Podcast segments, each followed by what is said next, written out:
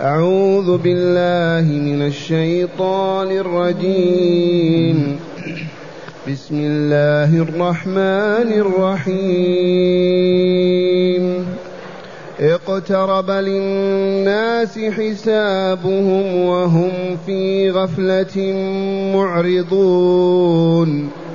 ما يأتيهم من ذكر من ربهم محدث إلا استمعوه إلا استمعوه وهم يلعبون. لاهية قلوبهم وأسروا النجوى الذين ظلموا. هل هذا إلا بشر مثلكم؟ أفتأتون السحر وأنتم تبصرون؟ قال ربي يعلم القول في السماء والأرض وهو السميع العليم. بل قالوا أضغاث أحلام بل افتراه بل هو شاعر. فليأتنا بآية كما أرسل الأولون ما آمنت قبلهم من قرية أهلكناها أفهم يؤمنون أحسنت. أعيد إلى أذهانكم قول عبد الله بن مسعود رضي الله عنه الكهف ومريم وطه والأنبياء من العتاق الأول. هن تلادي. فالصورة إذا مكية من أوائل ما نزل كغيرها مما ذكر ابن مسعود طه ومريم والكهف. والمكيات يعالجن العقيدة لإيجادها وتصحيحها. ومن أعظم أركانها التوحيد لا إله إلا الله وأن محمد رسول الله إثبات النبوة للرسول صلى الله عليه وسلم والبعث الآخر وما يجري فيه من جزاء على العمل في هذه الدنيا. فقول ربنا عز وجل بسم الله الرحمن الرحيم بسم الله الرحمن الرحيم تفتح بها الصور لا على سبيل الوجوب ولكن على سبيل الأدب. اللهم إلا بسم الله الرحمن الرحيم في الحمد لله رب العالمين. فالإمام الشافعي رحمه الله وتلامذته يرون أنها آية من سورة الفاتحة. وعليه من لم يبسمل عند قراءة الفاتحة في صلاته باطلة. وفقه هذه. الإمام محمد بن إدريس الشافعي تلميذ مالك. يرى أن بسم الله الرحمن الرحيم آية من سورة الفاتحة. والإجماع على أن سورة الفاتحة سبع آيات. فهو إذا يقول وانظر إلى أصابعي بسم الله الرحمن الرحيم. الآية الأولى. الحمد لله رب العالمين الثانية. الرحمن الرحيم الثالثة. مالك يوم الدين الرابعة إياك نعبد وإياك نستعين. الخامسة. اهدنا الصراط المستقيم. السادسة. صراط الذين أنعمت عليهم غير المغضوب عليهم ولا الضالين. السابعة. وخالفه في ذلك شيخه مالك وأحمد وأبو حنيفة وقالوا ليست آية من الفاتحة وإنما تفتح بها الصور كغيرها من الصور. وعدوا الآيات كما تسمعون. الحمد لله رب العالمين الرحمن الرحيم مالك يوم الدين إياك نعبد وإياك نستعين اهدنا الصراط المستقيم صراط الذين أنعمت عليهم غير المغضوب عليهم ولا الضالين. الآية السابعة. فهمتم هذه القضية؟ على كل حال لا تقول أنا شافعي ولا مالكي. ولكن بسمل ولما تترك بسم الله الرحمن الرحيم. مما ينبغي أن يعلم أن سر هذا الخلاف هو أن سورة الفاتحة نزلت مرتين من السماء. مر ببسم الله الرحمن الرحيم ومر بدونها. فانتهى الخلاف. فمن بسمل على أنها نزلت معها من لم يبسمل على أنها نزلت بدونها. ومن ثم لا خلاف. والأحوط كما قدمت لكم أن نبسمل بسم الله الرحمن الرحيم. الحمد لله رب العالمين. في السر والجهر على حد سواء فالفريضة والنافل على حد سواء. والآن اقتربت الساعة. اقترب للناس حسابهم. وهم في غفلة معرضون. هذا الخبر من أخبر به؟ الله الذي يقيم الساعة متى شاء.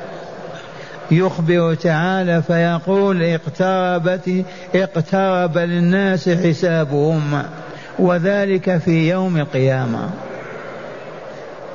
في يوم القيامة في اليوم الذي نخلق فيه خلقا جديدا ونجمع في ساحة واحدة ويجري الحساب ويتم الجزاء.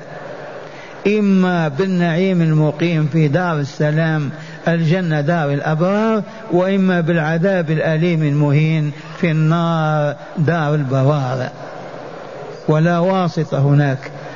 إما وإما إما سعداء وإما أشقياء. إذ ما هناك إلا عالم علوي الجنة وعالم سفلي النار. اقترب للناس أبيضهم وأسودهم عربهم وعجمهم وإن كانت الآية نزلت في أهل مكة. الكفار من قريش.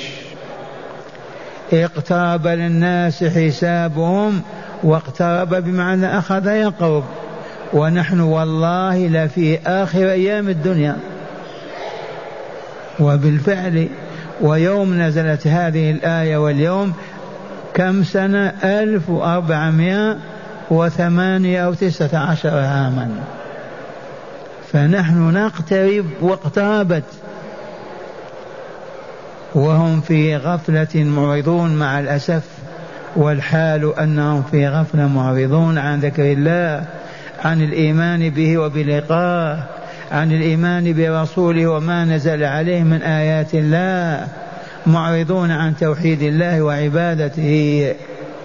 وليس هذا أيضا مقصورا على قريش العالم اليوم من أقصى الشرق إلى أقصى الغرب يصدق عليه هذا ولا يستثنى إلا بعض المؤمنين. أليسوا في غفلة؟ مشغولون بالنكاح والطعام والشراب والدنيا والصناعات معرضون عن الله لا يسألون عنه ولا عما يحب ولا عما يكره وإلى متى نحن نموت وإلى أين نصير؟ أبدا. ما يفكرون هذا التفكير. وصدق الله العظيم. اقترب للناس حسابهم والحال وهم في غفلة معرضون. النار تقترب منهم وهم مشغولون بالطعام والشراب ثم قال تعالى ما يأتيهم من ذكر من ربهم محدث إلا استمعوا وهم يلعبون. هذا ينطبق على أهل مكة لما كان الرسول صلى الله عليه وسلم يتلو عليهم آيات الله التي تنزل. ما يأتيهم من ذكر من ربهم أي من كتاب الله من عند الله من كلام الله محدث جديد والآيات تنزل يوما بعد يوم وكل يوم وكل أسبوع. إلا استمعوا وهم معرضون. الآن المشركون الكافرون اليهود النصارى كلهم ما يسمعون ولا يعرضون. لكن لو نسمعهم من أراد الله سعادته في الدار الآخرة آمن وأسلم. ومن لم يريد الله ذلك والله يعرض ويسخر ويستهزي ويخرج لسانه يقول إيه هذه رجعيه وهذا كذا كما يقولون. ما يأتيهم من ذكر من ربهم محدث جديد طري إلا استمعوه وهم يلعبون يضحكون ويسخرون. لا يبالون بما يحمل من الهدى أو ما يبين من الضلال. ثم قال تعالى في الخبر الثاني لاهية قلوبهم قلوبهم مشغولة. هذا يتناول حتى كثيرين من المؤمنين. القلوب لاهية هذا مشغول بزراعته هذا بصناعته هذا بوظيفته هذا بزوجه وأولاده هذا بهذا ولا حول ولا قوة إلا بالله. لاهية القلوب. فالقلب ينبغي أن يلهى بما يحب الله تعالى ويريده.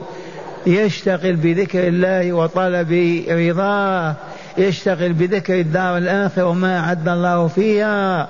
يشتغل بذكر الصالحات كيف يعملها وكيف يفوز بها. ما ينشغل قلبه بالدنيا وما فيها من قاذورات وأوساخ. لاهية قلوبهم. وقوله تعالى وأسروا النجوى الذين ظلموا هذا يتناول طغاة المشركين في مكة. على رأسهم أبو جهل عمرو بن هشام وعقب بن معيط ومن إليهم. أسروا النجوى لما يتناجون ويتحدثون في ناديهم في بيوتهم في مجالسهم. يسرون ماذا؟ النجوى ماذا يقولون في النجوى؟ إن هذا هل هذا إلا بشر مثلكم؟ أي ما هذا إلا بشر مثلكم؟ فكيف يكون رسولا ويدعي النبوة ورسالة ويأمر بطاعته وطاعة الله؟ كيف هذا؟ ما هو بإنسان مثلكم؟ هكذا يقولون فيما بينهم. وأسروا النجوى من هم؟ الذين ظلموا بالشرك والكفر. ما هي هذه النجوى؟ هي قولهم هل هذا إلا بشر مثلكم؟ أفتأتون السحر وأنتم تبصرون؟ هذه نصائح يوجهها بعضهم لبعض. أفتأتون السحر يعني الساحر وما يدعو إليه وما يقول به وأنتم تبصرون عميانا ما لكم. هذه كلمات النادي التي يسرونها فيما بينهم. ليصرفوا قلوبهم وقلوب الناس عن لا إله إلا الله محمد رسول الله صلى الله عليه وسلم. والآن أهل الباطل في كل مكان لهم مجتمعات ولهم أندية ولهم سر ونجوى يقولون كما يقول الأولون بحسب الظروف والأحوال. إذ هذه طبيعة الإنسان قبل أن يستنير قلبه وينشرح صدره ويقبل على ربه يعبده. وأسروا النجوى الذين ظلموا. هل هذا إلا بشر مثلكم؟ أي إنسان فقط منكم؟ كيف تؤمنون به؟ أفتأتون السحر وأنتم تبصرون؟ لو كنتم عميان لعذرناكم كيف تأتون السحر والسحرة وتقولون بالسحر وأنتم تبصرون؟ ثم قال تعالى قل ربي قل يا رسول الله هذه قراءة الجمهور نافع ومن معه. قل ربي يا رسولنا قل ربي يعلم القول في السماء والأرض وهو السميع العليم. وقرأ حافظ قال أي قال رسول الله صلى الله عليه وسلم ربي يعلم القول في السماء. ورسول لما قال علمه الله أمره الله أن يقول. قال ربي يعلم القول أي الكلمة والنطق في السماء والأرض وهو السميع لأقوال عباده العليم بأفعالهم. من كشف السر هناك من ذهب إلى النادي وأخبر الرسول بهذا؟ الله مطلع عليهم عرف ما يقولون في ناديهم وما يدعون من الباطل. أخبرهم بأن ربي علمني. قال ربي يعلم القول في السماء والأرض وهو السميع أي لأقوال عباده العليم بأعمالهم خيرا كانت أو غيرها سبحانه لا إله إلا هو. والله لسميع عليم. سميع لأقوالنا عليم بأفعالنا. لا يمكن أن يخفى عنه شيء ابدا. ثم قال تعالى بل قالوا من هؤلاء القائلون؟ المشركون المعاندون المكابرون المصرون على عبادة الأصنام. ليسودوا العوام ويقودوهم. ماذا قالوا؟ بل قالوا أضغاث أحلام. هذا الذي يقول محمد منام. أضغاث أحلام رؤى منامية تخبط صاحبها في حيرة. ما هو لا وحي ولا قرآن ولا نزول من السماء. مجرد أضغاث أحلام. والأحلام من الرؤى. رؤى منامية يقع له هذا الذي يقول. بل افتراه ما رآه فقط يكذب ويقول أمرني ربي وقال ربي وأنزل علي كذا وكذا. ما هو مجرد افتراء فقط. بل هو شاعر. وانفضحت سوءتهم في كلمة شاعر. والله ما كان يحسن الشعر. ولا بيت من الشعر. عصمها الله تماما.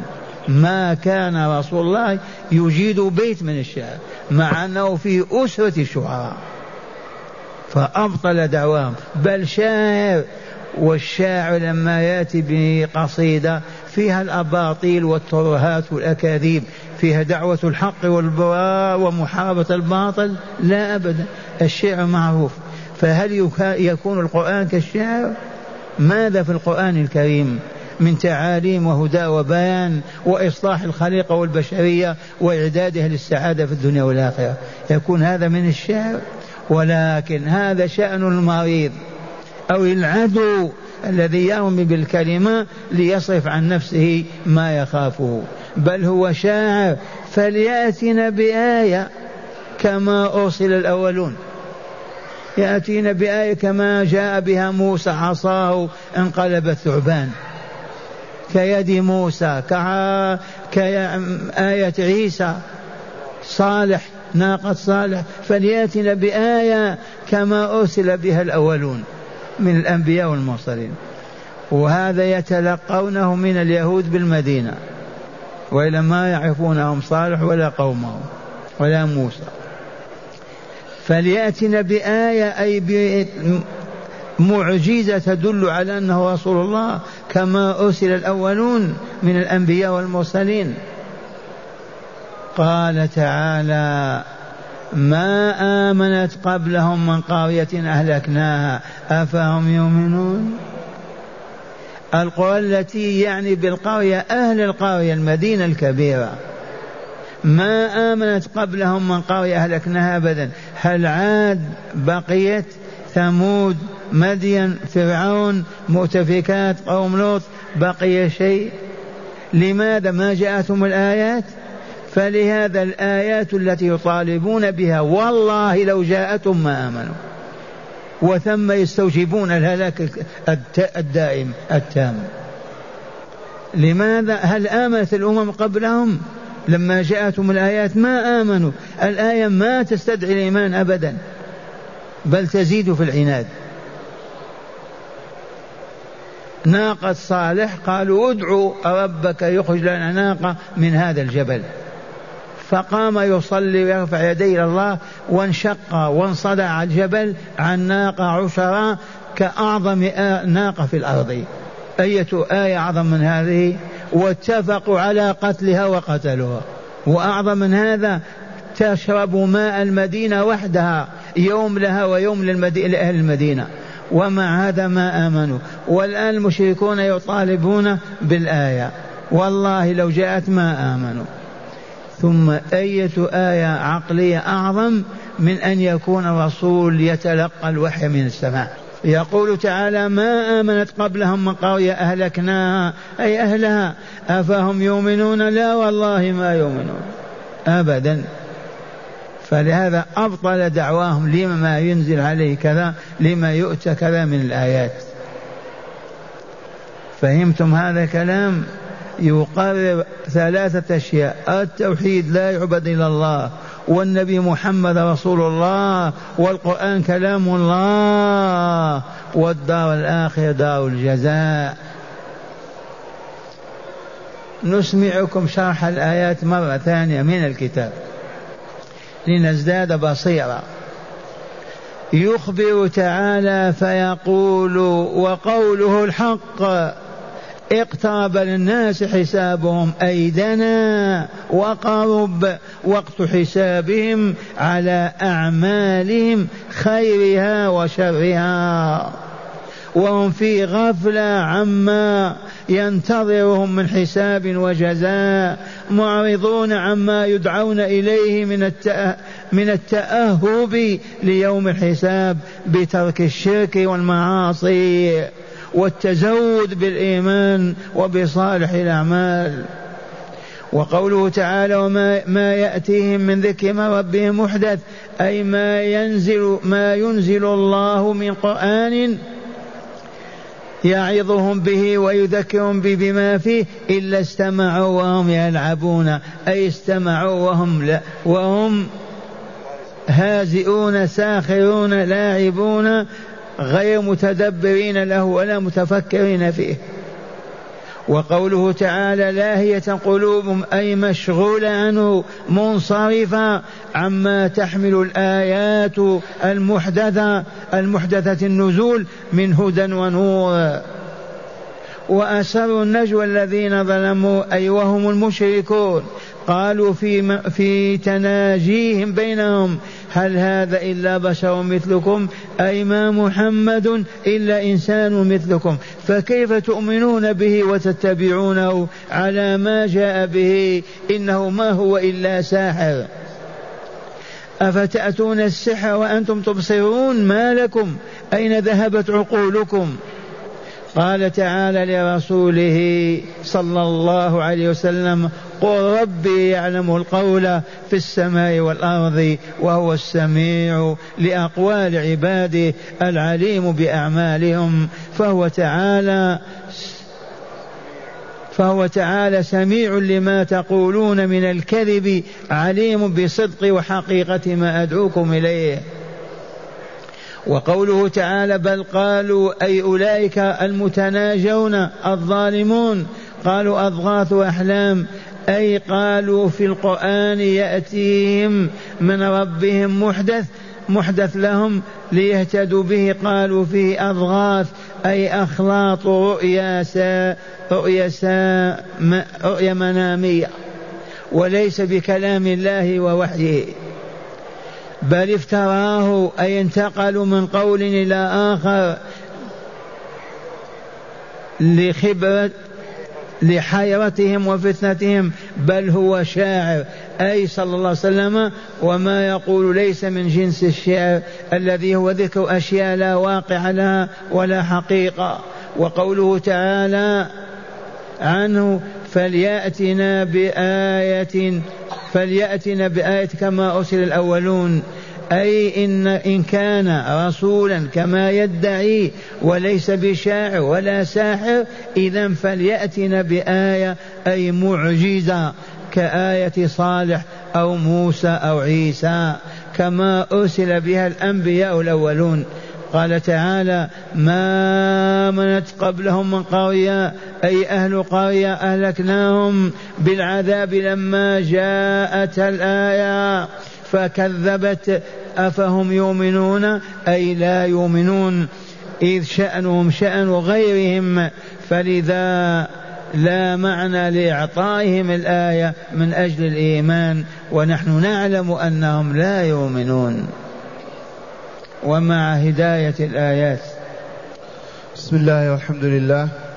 من هداية الآيات أولا قرب الساعة. أولا قرب الساعة أية ساعة ساعة الفناء وانتهاء هذه الحياة ثم استقبال البشرية حياة أخرى. هي أعظم وأبقى وأخلد من هذه. واقتربت كما قلت لكم بعث الرسول في آخر الأنبياء آخر الدنيا. والآن مضى على وفاة 1400 سنة وزيادة. نقترب وإلا لا. عما قريب يقع ما يقع في الكون ونشهد أحداث الساعة بكاملها. ثانيا بيان ما كان عليه المشركون. ثانيا من صورة القمر ماذا قال تعالى؟ قال اقتربت الساعة وانشق القمر. أعظم آية.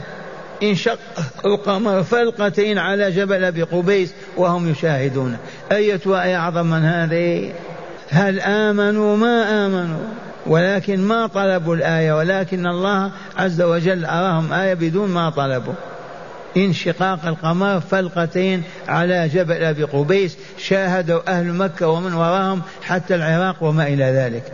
والقمر منقسم. والشاهد اقتربت الساعة وانشق القمر. وإذا ظننتم أنها ما زالت عام عامين عشرة وأعمارنا نحن وأيامنا كم؟ ما اقتربتان؟ والله ما ندري أن نصبح أو لا نصبح؟ ومعنى هذا هيا نبكي هيا نقترب من الساعة. نقدم لها ما ينبغي أن نقدم من الذكر والدعاء والصلاة والأجر والعظيم والعبادة. نعم. ثانيا بيان ما كان عليه المشركون من غفلة ولهو وإعراض والناس اليوم أكثر منهم في ذلك. بيان ما كان عليه المشركون من الغفل والإعراض والباطل والشر واليوم الناس أعظم من كفار قريش. وكم وكم أكرر. نقول والله لكفار قريش أشرف من أكفار من كفار اليوم. عندهم الأمانة عندهم الثقة عندهم كذا. أما كفار اليوم والعياذ بالله شر الخلق وخاصة البلاشفة. ما فهمتم هذه؟ كفار قريش يعتبر أشراف الكفار.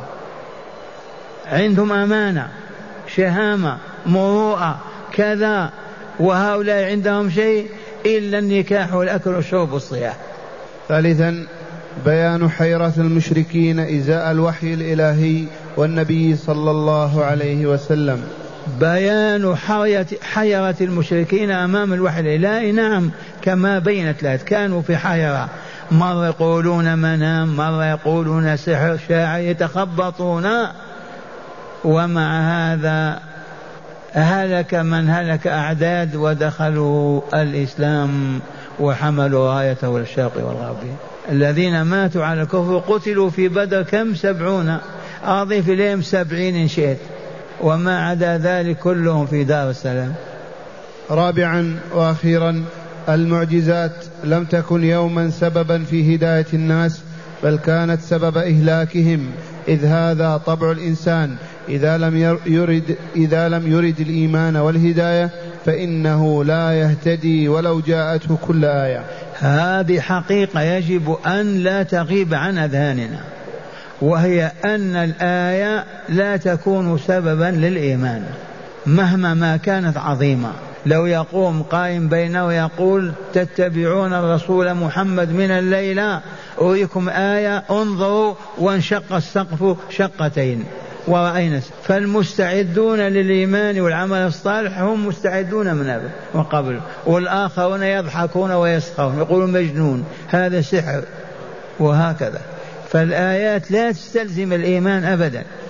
ولهذا ما أعطى الرسول آيات يتحدى بها المشركين وإن كان أعطاه ألف آية ما هي آية واحدة. لكن ما هي آية التحدي؟ لكن كما علمتم أعظم آية أنه يتلقى الوحي من السماء. أعظم آية العروج به الملكوت الأعلى. أعظم الآية القرآن بين يديه يتلوه. والله تعالى أسأل أن يتوب علينا. وأن يغفر لنا ويرحمنا وأن يتوفنا مسلمين وأن يلحقنا بالصالحين. اللهم آمين اللهم آمين.